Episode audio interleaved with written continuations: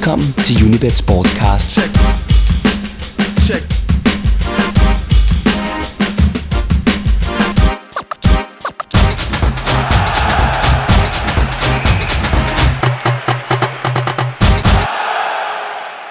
Velkommen til Unibet Sportscast, og det første af vores optagsprogrammer om VM i Brasilien.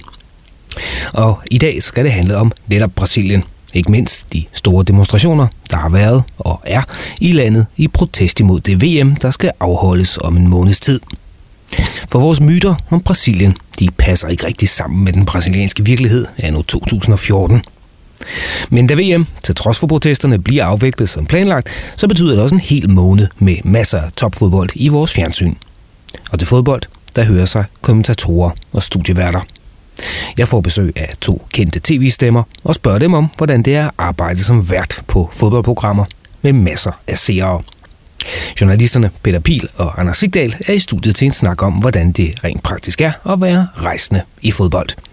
Og det sidste i programmet, et kritisk blik på tv-stationernes oprustning forud for VM, især med eksperter. Velkommen til Sportskassen. Mit navn er Per Maxen. Ja, det er VM-tid, og selvfølgelig bliver det stort, for det gør det jo altid. Men inden vi svinger os op til de helt balstyriske højder, så lad der bare være mig, der være den, der bliver spilfordærberen og ødelægger lidt af den gode stemning. Ja, der vil komme overraskelser. Vi vil se nye stjerner blive født på det internationale niveau, og se andre falme eller fejle fælt. Og det vil jeg gøre med et par kolde konstateringer – Vinderen af VM, det bliver en af the usual suspects, for det gør det altid. Sensationer som Danmarks EM-sejr i 1992 eller Grækenlands i år 2000, de sker ganske enkelt ikke ved et VM. Spanien blev i 2010 ganske vist det første europæiske mandskab til at vinde en titel uden for Europa, men på det amerikanske kontinent, der er det stadigvæk ikke blevet til noget. VM, det er som en Hollywood-blockbuster med et plot, der kan stå på bagsiden af et frimærke. Masser af drama, intriger, skandaler og betændte situationer, der kan diskuteres om og om igen, men i sidste ende, så bliver det alligevel en helt, der vinder. Sådan vil fortællingen om det i hvert fald blive. Ikke om, hvordan skurkene vandt i 2006 ved at lukke helten Zidane i fordærv, eller om Argentina i 1978, hvor diktaturet satte kræfterne ind, eller generelt om, hvor korrupt arrangøren FIFA i det hele taget er. Det sidste, det vender vi tilbage til i et senere program. For Brasilien er ikke længere Brasilien. VM, det er Jogo Bonito med en skygge af tvivl. I højere grad end tidligere, da slutrunden jo spilles i det smukke spils hjemland.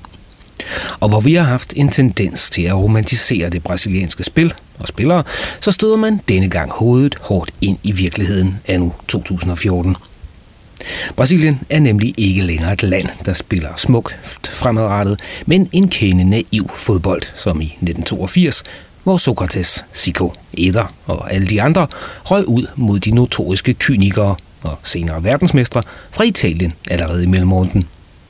Og hvor Brasilien i denne præ-internet-tid bare var et stort land i Sydamerika, der vist nok blev regeret af en junta.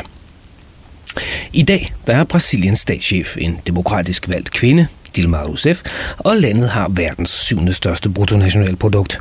Ja, det er stadig et land med enorme sociale forskelle, men ikke desto mindre en nation i vækst. Og med en voksende middelklasse, der stiller sig kritisk over for beslutningerne om at bruge milliarder på VM i år og OL i 2016. En utilfredshed, der brød ud i lys lue under Confederations Cup sidste år, hvor millioner gik på gaderne i demonstrationer mod at bruge penge på et VM når disse penge kunne være brugt bedre på at forbedre infrastrukturen, skoler og sociale forhold for Brasiliens mange fattige. Det hjælper næppe heller, at hæren op til VM er i gang med at rydde favelierne, altså slumkvartererne omkring de store byer, for at få det hele til at se lidt bedre ud i den måned, hvor VM afholdes. Det er protester, der ikke kommer til at forhindre, at der skal spilles 64 fodboldkampe i denne sommer – men det understreger, at illusionen om Samba, Copacabana og La Jogo Bonito bare er en reklamefernis, der er smurt hen over brandet Brasilien. For selvom brasilianerne elsker fodbold, så har de et langt mere pragmatisk forhold til den, end myterne tilsiger, at den har. Se bare på, hvordan deres landshold, VM-favoritterne, de spiller. Her er kyniske forsvarere som Dani Alves og Luis Gustavo i mindst lige så høj kurs som boldekvilibrister som Neymar og kampvognscenterforwarden Hulk. De økonomiske tømmermænd efter festen, de indfinder sig sikkert en gang i august måned. Hvis Brasilien på det tidspunkt er verdensmester for 6. gang, ja, så vil det sikkert dulme smerterne, men ikke fjerne dem helt. For den brasilianske middelklasse vil stadig stå med, stå med gode argumenter for, at der skal ske radikale indrigspolitiske skridt for at komme uligheden til livs.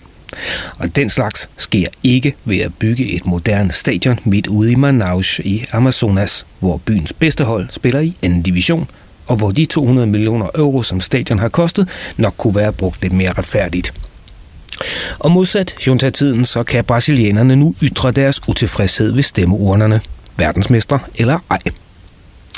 Myten om Brasilien og deres fodbold er en smuk af slagsen, men den er, om ikke naiv, så i hvert fald utidsvarende.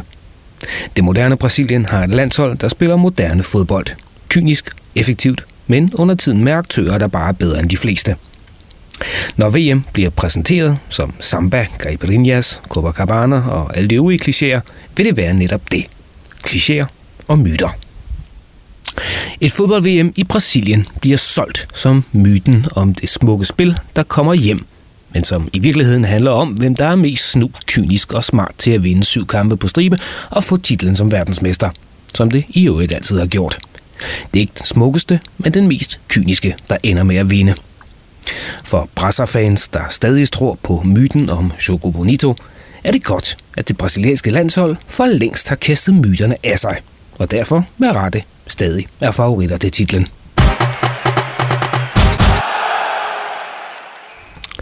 Skal du så stadig se VM efter den her svagdag? Ja, selvfølgelig skal du det, for det skal vi alle sammen. 64 fodboldkampe på en måneds tid. I en periode tre styk om dagen, eller rettere aften.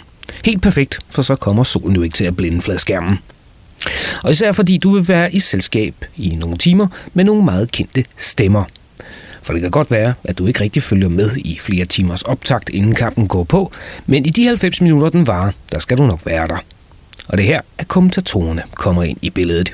De mennesker, hvis stemmer kommer til at guide dig gennem kampe mellem hold og spillere, du ikke rigtig kender. Men det gør de. Og kommentatorer er i grunden noget af det mest undervurderede. Mennesker, der skal kommentere noget, der sker live, og samtidig have alle facts ved hånden og vide alt om hver enkelt spiller, træner og mandskab. De dygtige af dem de hænger bestemt ikke på træerne, hvilket også er grunden til, at Danmarks Radio har hyret nogle meget erfarne kræfter i den her sommer. Og det er noget helt specielt at være stemmen eller ansigtet på en fodboldkamp i tv. Personligt, og sikkert også mange af jer, har sikkert ofte tænkt på, hvordan det må være at være den vært eller kommentator, som vi alle sammen får et mere eller mindre personligt forhold til. Og her den øh, første optakt til VM, fordi vi skal være ude i god tid. Øh, har jeg fint besøg af to af dem, som er kendt fra tv og fodbold i det hele taget. Seksons Peter Pil og Anders Sigdal, tidligere TV2, nu Unibet TV og alt muligt andet. Velkommen til Tak. Um, hvordan er det at have det, som for mange, det havde jeg i hvert fald som drengedrøm engang, at være fodboldkommentator? Hvad, hvad er det for et job at være rejsende i fodbold? Jamen, det er jo en, øh, som du siger, en drengedrøm. Det var det også for mig. Og øh, så har jeg været så heldig at få lov til at udleve den.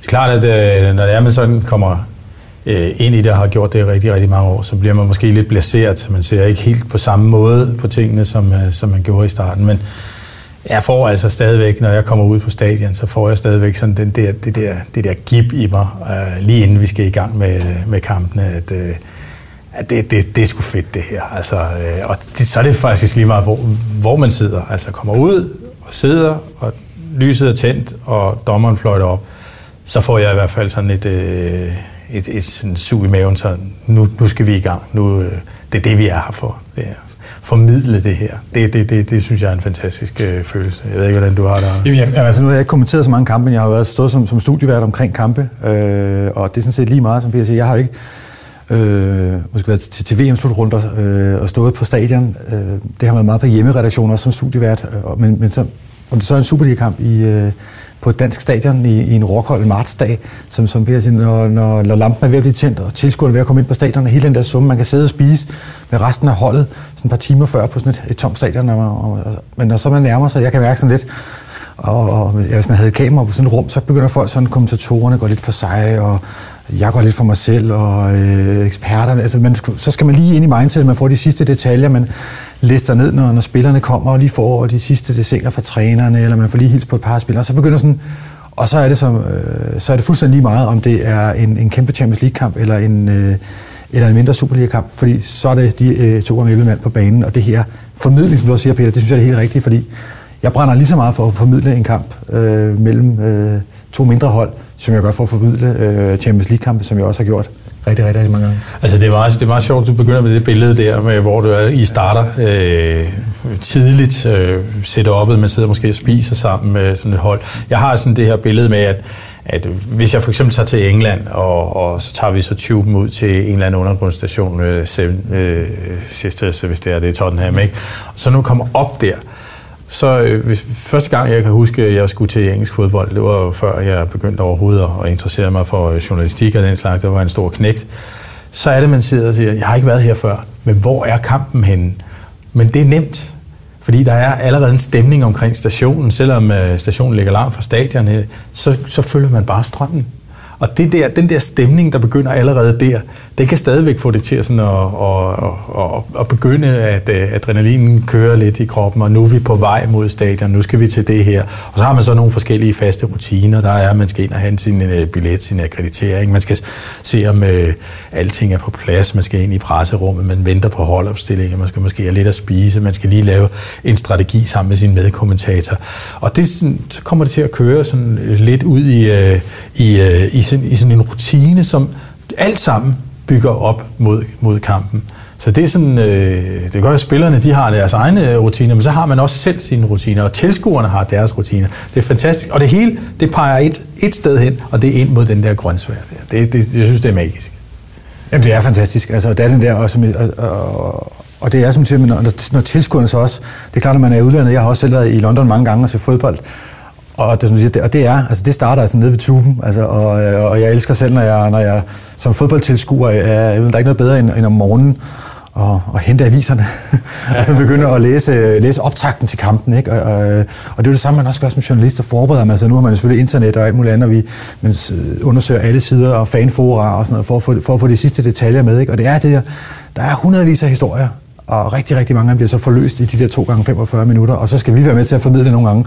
Og nogle gange, der skal vi også, uanset om man så står i studiet og snakker, eller man sidder som Peter og kommenterer kampen, så skal man også bare holde sin mund, fordi kampen kan så meget selv, og andre gange, så har vi brug for at, at snakke meget mere, og det er, det, det er helt fantastisk. Og, og, og som sådan en journalistisk udfordring, der, der har jeg altid, især de der efterkampstudier, Altså, man, siger, man kan stå og forberede en hel masse de sidste 15-20 minutter af kampen, og så bliver der scoret to mål de sidste to minutter, og så kan man krølle papirerne sammen, og så er vi bare forfra igen. Og den der nerve, der er, altså det må være helt det samme som spillerne. Altså, ja, når man er så journalist, så synes jeg, det er noget af det samme, som spillerne må, må gennemgå nede på, nede på banen. Altså det, og det, det synes jeg er fedt der. Og det er sådan set, for at vende tilbage til lige meget, om vi snakker øh, VM-fodbold eller, eller, eller Superliga. Øh, selvfølgelig er der noget mere bevågenhed, når, vi, når det er Champions League, VM-fodbold, EM-fodbold. Altså, når man, når man sidder som, som, som ser eller som lytter, så kan man meget hurtigt blive imponeret af, hvor nemt det lyder. Altså alle de der navne, der I kan slynge ud, man har alle mulige statistikker sådan lige ved hånden. Jeg tror først, at, at er, det, er det ikke, øh, hvor meget forberedelse går der i virkeligheden ind til bare en almindelig kamp? Altså, det er jo en løbende proces, øh, fordi man er interesseret i, i fodbold i det her tilfælde. Øh, så, øh, så, så er det en løbende proces for mit vedkommende i hvert fald, som, som sker sådan øh, hele tiden. Så får jeg så en, en opgave, øh, som er meget specifik, en kamp, jeg skal kommentere. Og når jeg kender den, så begynder jeg allerede sådan at spore mig lidt ind på den. Øh, det vil sige, at øh, jeg åbner for nogle, nogle tweets fra, fra de to hold, så man kan følge lidt mere øh, tættere på.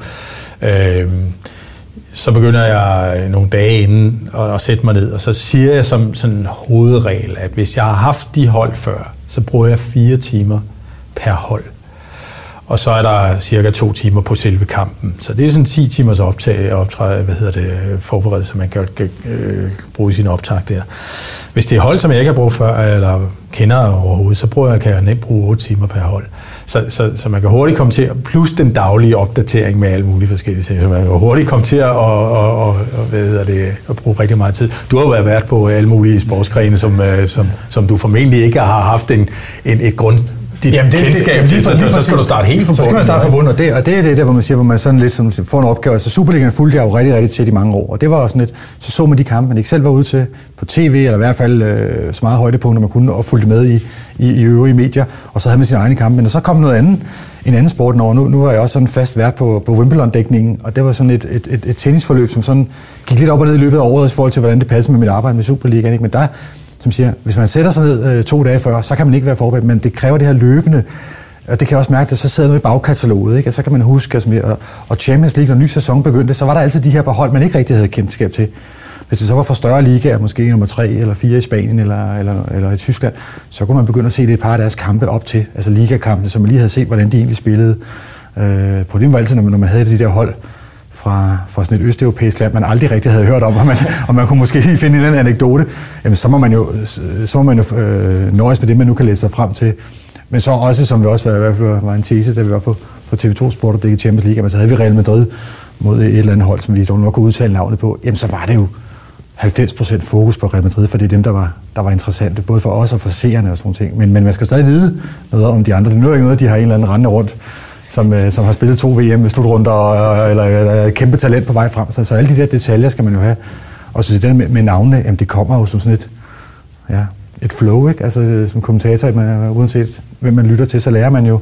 Og jeg har også kommenteret forskellige ting, og så, hvor man så, jamen så, så kommer det jo bare. Det er jo ikke ligesom i gamle dage, hvor man hvor der var tid til at nævne hver navn, hver gang bolden blev spillet rundt på banen. Ikke? Nej, det er nemlig Og det er jo også, altså, det, det, det, det her med, med, med forberedelsen, det er blevet så, kan man sige, meget nemmere i, i dag, i forhold til da jeg begyndte som, øh, som, som fodboldkommentator. Men det er også blevet meget sværere. Forstået på den måde, at øh, de, oplev, op, altså, de oplysninger, som jeg havde tilgang til øh, for mange, mange år siden, dem skulle jeg virkelig gøre en stor, stor indsats for at få. Jeg skulle ringe øh, rundt til kolleger, jeg skulle ringe til, øh, hvis der var nogen, der var specialister i østeuropæisk fodbold, der havde vi jo øh, legendariske Per Højer Hansen, ja. som jo kendte alt til albansk øh, fodbold med, med hoved, øh, hovedvægten på FK Tirana, eller, eller hvad det nu var. Øh, så kunne man måske lokke lidt ud af ham, eller nogle andre kolleger, som havde haft Øh, så måtte man ud og, og finde magasiner, verdensmagasiner, World Soccer og engelske fodboldblade, tyske fodboldblade, og så stjæle lidt øh, hister her. I dag der er det, øh, og det var der ikke så mange, der gjorde. Så, så derfor så kunne man måske brillere på en, på en lidt billig baggrund, fordi man satte sig ned og gjorde den indsats. I dag, der skal vi gøre en stor indsats, men folk får meget mere forærende. Så du siger, det er meget svært for mig at fortælle noget til nogle hardcore fans om deres klub, som de ikke ved i forvejen. Så på den måde er det nemmere at få oplysningerne, men, men alle får dem. Så det, det, det, det, på den måde bliver opgaven lidt sværere, synes jeg. I dag. Altså de store ligaer, altså, og Champions League også, altså Champions League leverer jo til hver kamp sådan et, et prep kit, som de kalder det, altså, og det er jo øh, et sted mellem 20 og, og 35 øh, pdf-sider, hvor alt historik med de her to øh, klubber øh, står, som møder hinanden. Ikke? Og det er altså til alle kampe i, i alle runder. Så i de indledende runder, der får du altså sådan en, en der kan du hente sådan 16 Øh, store pdf-filer inde på, på UEFA's hjemmeside. Og kunsten er jo for de dygtige kommentatorer og værter og journalister, det er jo ikke at støde og læse op fra, fra side 1 til side 35. Det er jo at finde de der interessante små ting, der er, fordi statistik kan bruges til rigtig, rigtig meget, men det kan også misbruges til rigtig, rigtig meget. Ikke? Og som Peter siger, altså historier om øh, små anekdoter om spillere og, og, og sammenligninger og alt muligt andet. Det, det, er jo de her små ting, der gør det sjovt, fordi som Peter siger, vi kan alle sammen følge med på Twitter og på Facebook og på nettet og læse alt muligt, og vi kender alt til hinanden, og der er også mange, der skriver og har skrevet til mig, hvis man har sagt noget, fordi så har de været hardcore fans inden for et eller andet. Jeg kan huske, at vi havde en, en, en Besiktas Champions League-kamp, hvor vi havde inviteret en, en, en herboende tyrker i studiet for at fortælle noget om, om den her, de her to øh, store øh, klubber i Tyrkiet, men især deltid øh, Besiktas. Og siger, altså, de tyrkiske seere, vi havde den aften, de har jo vidst lige så meget som ham, men alle, øh, som ikke følger tyrkisk fodbold, er jo blevet meget, meget klogere i de der 10 minutter, han stod og, og fortalte. Det synes jeg også er vigtigt der med, med at formidle og sige. Og så er der, som siger, har vi Real Madrid, Manchester United og Chelsea, alle de store klubber, vi ser hele tiden. Der er ingen, der kan fortælle, eller gøre os, og mange fodboldfans klogere på, hvor mange gange United har vundet Champions League eller, eller Premier League. Men der, så, så skal man så ind og, og, og have nogle andre små finesser frem. Og noget tager man så, som Peter siger, fra det, man får forærende, og andet oplever man. Og så synes jeg også, noget, der er rigtig, rigtig vigtigt, det er de der de gode kommentatorer, eller værter. Når man er ude på stadion, eller oplever noget i byen, altså tag det med ind og fortælle. For det er det, vi andre ikke kan have, når man sidder for, i sofaen. Ikke? Det er at få den der Ja, det er der, hvor man kan adskille sig. Der kan du adskille dig meget, ikke? og derfor er det så vigtigt, at folk sidder på stadion og kommenterer. Ikke? For en, får det. anden, en anden ting, som jeg synes også er rigtig, rigtig vigtigt, altså det er jo, øh, i mit tilfælde, det er, at jeg skal jo gøre min medkommentator så god som overhovedet muligt. Det vil sige, at jeg skal jo overlade den plads, han skal have. Jeg skal kende hans styrker og øh, måske svagheder. Øh, de fleste af dem, vi, vi, vi opererer med, er meget bredt funderet, men, men der er nogen, der har nogle, nogle styrker på nogle felter øh, frem for nogle andre. Det skal jeg vide, sådan så at, øh, at, at jeg kan invitere dem ind, eller at de selv kan byde ind og give dem plads til det, øh, sådan så at de kan lægge Øh, øh, hvad skal vi sige, alen til, til den oplevelse, som folk sidder med ude ved, øh, ved skærmen, og så siger, okay, nå, det havde jeg ikke lige tænkt over, og det kommer på det rigtige tidspunkt. Så meget handler jo igen om det her med formidling, og om timing. Hvornår får du alle de her ting, som Anders siger, øh, som du sidder og graver frem, hvornår får du dem leveret? Det er jo i virkeligheden kunsten, kan man sige. Ikke? Altså, øh, kan du gemme en lille historie til det helt, helt rigtige tidspunkt, og så levere den der, så den kommer nemlig, som du siger, øh, som, nå, den kommer bare sådan ud, grebet ud af luften, og det ved han altså også om ham der, ikke? Altså, så, øh, så, så er det, det virker mere elegant, og folk sidder derhjemme og tænker, okay, det der, det hænger sammen med de billeder der, så kan jeg måske bedre huske den historie. Jeg kan huske, nogle af de første gange, jeg kommenterede, jeg, jeg fik lov at kommentere noget, noget fodbold på, på P3, dengang jeg var på, på Danmarks Radio. Og der fik jeg sådan et råd om, at altså, alt det, jeg har gravet frem, jeg skal måske kun bruge 10% af det. Og man sad lidt der som, øh, som, øh, som øh, relativt ny øh, i fadet der, med alle sine øh, øh, noter der, og var så stolt over hele det der forberedelsesarbejde. Og da der var gået øh, to timer der, så kunne jeg jo godt se på min papir, at der var rigtig mange sider, der bare skulle smides ud. Og det var jo, altså, det var virkelig kill your darlings, fordi nej, hvor var der mange gode små anekdoter, men de passede bare ikke sådan som kampen forløb, den historie, der skulle fortælles i de der 90 minutter. Øh, og det her med sådan, det har taget noget, det har taget meget faktisk, det vil du også vide, Peter, når du, har kommenteret hundredvis af kampe, det der med, at man sidder med en masse viden og information, og man får det ikke brugt, og ellers Morten Havsborg, øh, han har også fortalt det her med, at han sidder med, nogle, med en masse små sådan ting, og så han så siger, jeg skal nok få det brugt en dag, men det kan godt være, der går et halvt års tid, øh, ja, før han har de hold igen, eller den situation, ja. fordi altså, alle kan sidde og læse op fra de der øh, mange statistikker, men, men som, altså, det skal være relevant, og det skal, og det skal ramme i, i, i timing, og det skal passe, og, og også det der samarbejde med kommentatorer, om det er medkommentatorer, eller det er studiegæster, altså, der er en grund til, at de der, at man efterhånden bliver til par, altså, øh, øh, fordi man lærer hinandens øh, styrker og svagheder, og hvornår man byder ind med noget, og, og jeg noget lavede jeg rigtig meget med, med Paul Hansen på et tidspunkt, og vi snakkede faktisk ikke særlig meget sammen sådan det sidste sådan halvanden times tid op til, op til udsendelse, fordi vi havde ligesom afstemt, hvad det skulle handle om, og, vi, og så brugte vi hver, altså den måde, vi gerne ville forberede den sidste times tid op til, op til øh, vi skulle i studiet, og få de sidste informationer på plads, for vi, jeg vidste godt, at hvis jeg sagde, lag, lagde, lag, lag noget over til Paul, så skulle han nok tage den og, og komme videre. Øh, og hvor man så har, har andre ja, der kender du ham også så jeg godt, så, så du, godt. Ved, du ved, hvad du kan selv lægge over til ham. Ja, der, du ved ja. også, hvad du ikke skal lægge over til Lige ham. præcis, Ikke? Altså, så, ja. så det er der, hvor det er, man skal, man skal jo ikke udstille hinanden, men tværtimod, så skal du gøre hinanden bedre på den der måde. Og det er jo det er min, det er min opgave som, som kommentator med min medkommentator. Det er din opgave med, ja. dine, med dine gæster Ja. at få det optimale Og, ud af og det er det der, jeg siger, der, der kan man virkelig mærke forskel på, når man har, når man har arbejdet sammen i et stykke tid, hvor man virkelig kender hinanden, og man ved, hvordan folk øh, byder ind. Ikke? Og, så er der, og det er ikke kun det der med, om man kender mediets, øh, det, det, det kommer så oveni, men altså det der med, at man lige ved, at man kan man, nu holder jeg mund, og så overtager du, eller jeg stiller det her type spørgsmål, og det er ikke fordi, man skal aftale, for inden nu spørger jeg, hvad du synes om ham her. Men altså, man ved, hvad, hvad, hvad, hvad jeg kan. Og det, og det gør bare oplevelsen meget, meget bedre. Det kan man tydeligt se og høre, når man sidder og, og ser og lytter til, til fodbold eller anden sport.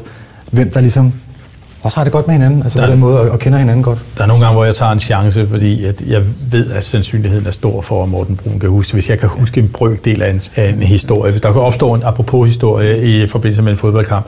Øh, Et lignende mål, der blev scoret af Ruth van Nistelrooy for Real Madrid øh, for nogle år siden. Så, så vil jeg kunne lægge den over til Morten, velvidende, at han har, så, altså han, han har jo klæbe i han, den mand. Så han kan jo huske det. Så han vil jo komme ind og så sige, ja, det var kampen mod Valencia på øh, Bernabeu, og der han scorede til 4-2 i sidste. Ikke? Altså, det, det, det, det, kan jeg gøre med ham, men det, det kan jeg så ikke gøre med, med alle. Øh, så, så derfor det er det det her, at man skal kende hinandens styrker og, øh, og svagheder. Ikke? Altså, nu kommer vi starter med at sige, at lave det her som en slags optakt til, til VM, og det er der en sådan ganske særlig øh, grund til. Det er derfor, jeg er så glad for at have øh, Peter med os i dag. Fordi Anders og jeg, vi skal til vores Unibet TV forberede os på 32 hold og så videre i vores lille medie. Men du skal til Brasilien for at kommentere. Du skal lære noget om 32 VM-trupper. Ja, næsten.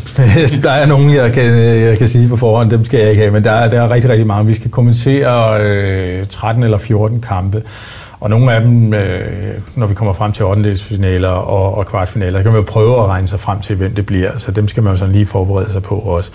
Øh, så, det, så det bliver en, en, en, en hel del, ikke? Og, og, og, så kan du sige, at det er måske 20 hold, vi skal forberede os på. Der er 23 spillere på hver, så er der nogle trænere og nogle ting, jeg siger, plus historikken omkring holdene og så videre. Så øh, jeg har været i gang et godt stykke tid med at, øh, med at forberede det, lige siden jeg stort set øh, fik opgaven. Så, så der, der er noget at gå i gang med der.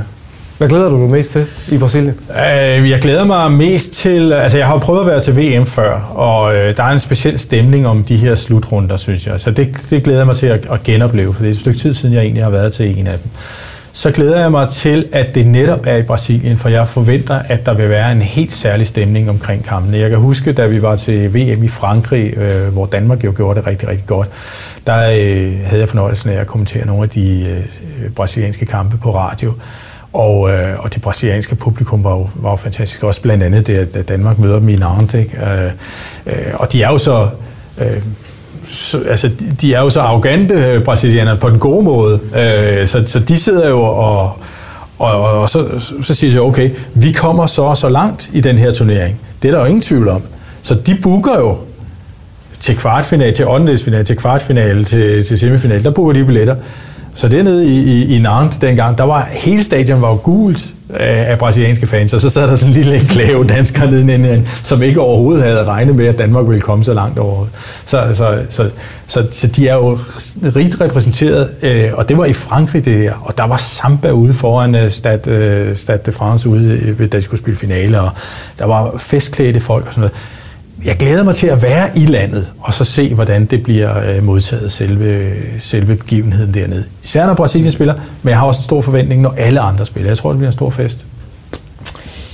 Det øh, ser vi frem til.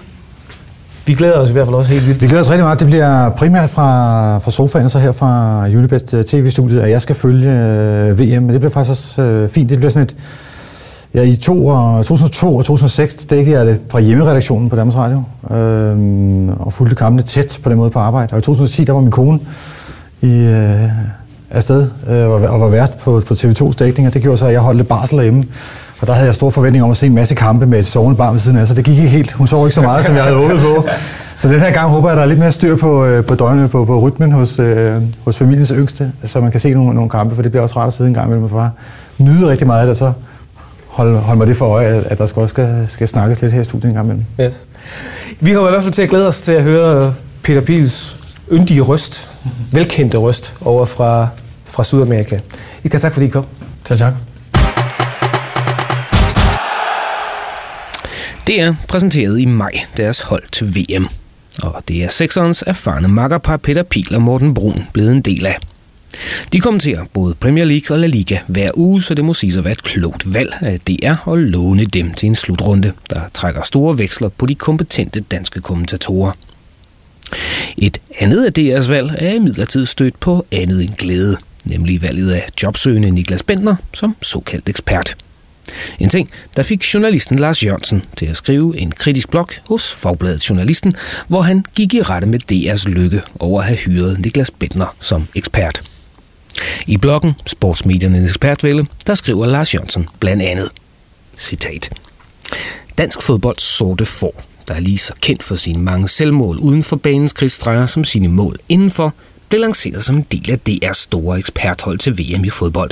Et hold, som tv-stationens journalistiske chef kaldte det stærkeste eksperthold, det nogensinde er lykkedes at sætte sammen – hvad DR's menige sportsjournalister så skal lave under VM, det fremgik ikke af den journalistiske chefs reklamestunt.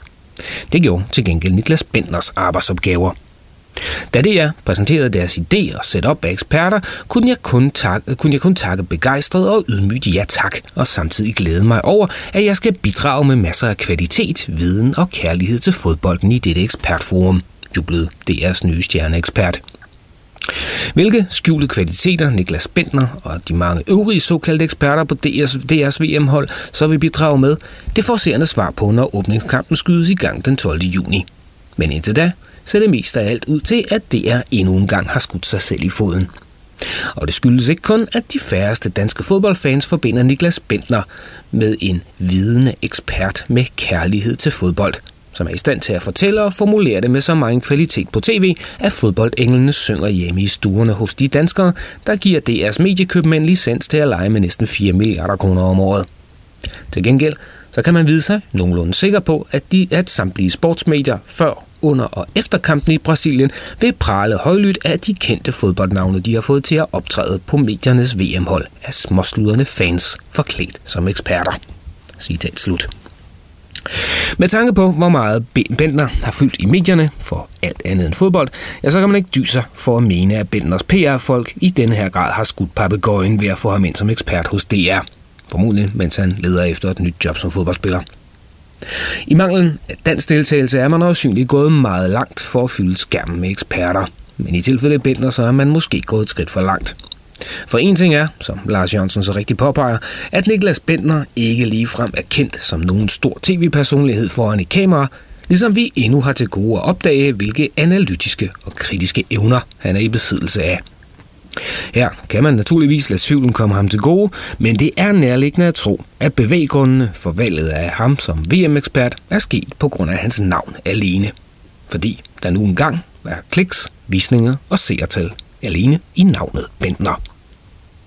Tilbage i 2011, der var Niklas Bentner nemlig ikke en, der havde ret meget til overs for hans kommende ekspertkollega Morten Bruns opfattelse af ham. Ikke mindst hans position i angriberhierarkiet hos Arsenal, klubben som Bentner forlader her til sommer. Til BT sagde han dengang, det er helt ligegyldigt. Det er næsten ikke engang noget, jeg kan forholde mig til, for deres meninger betyder intet for mig. Hvem er Morten Brun egentlig, siden han kalder sig ekspert? Tja, Morten Brun er med på Europamesterholdet fra 1992. Han ser hver uge en masse af fodboldkampe i England og Spanien, og skal hver weekend forholde sig kritisk og analytisk til ret mange kampe, hvilket alt andet lige må give en vis ballast, siden man gør det uge efter uge. Og med hensyn til det, der i 2011 fik Bender op i det røde felt, så var det altså Bruns konstatering af, at Bender aldrig ville blive førsteangriber i Arsenal. Her i sommeren 2014 kan man så konstatere, at tv-eksperten fik ret i den spot om, mens angriberen med det store selvværd tog fejl. Så måske er der alligevel forskel på eksperter og eksperter. Du har lyttet til Unibet Sportscast. Andreas Stefansen sad i teknikken, og mit navn er Per Maxen.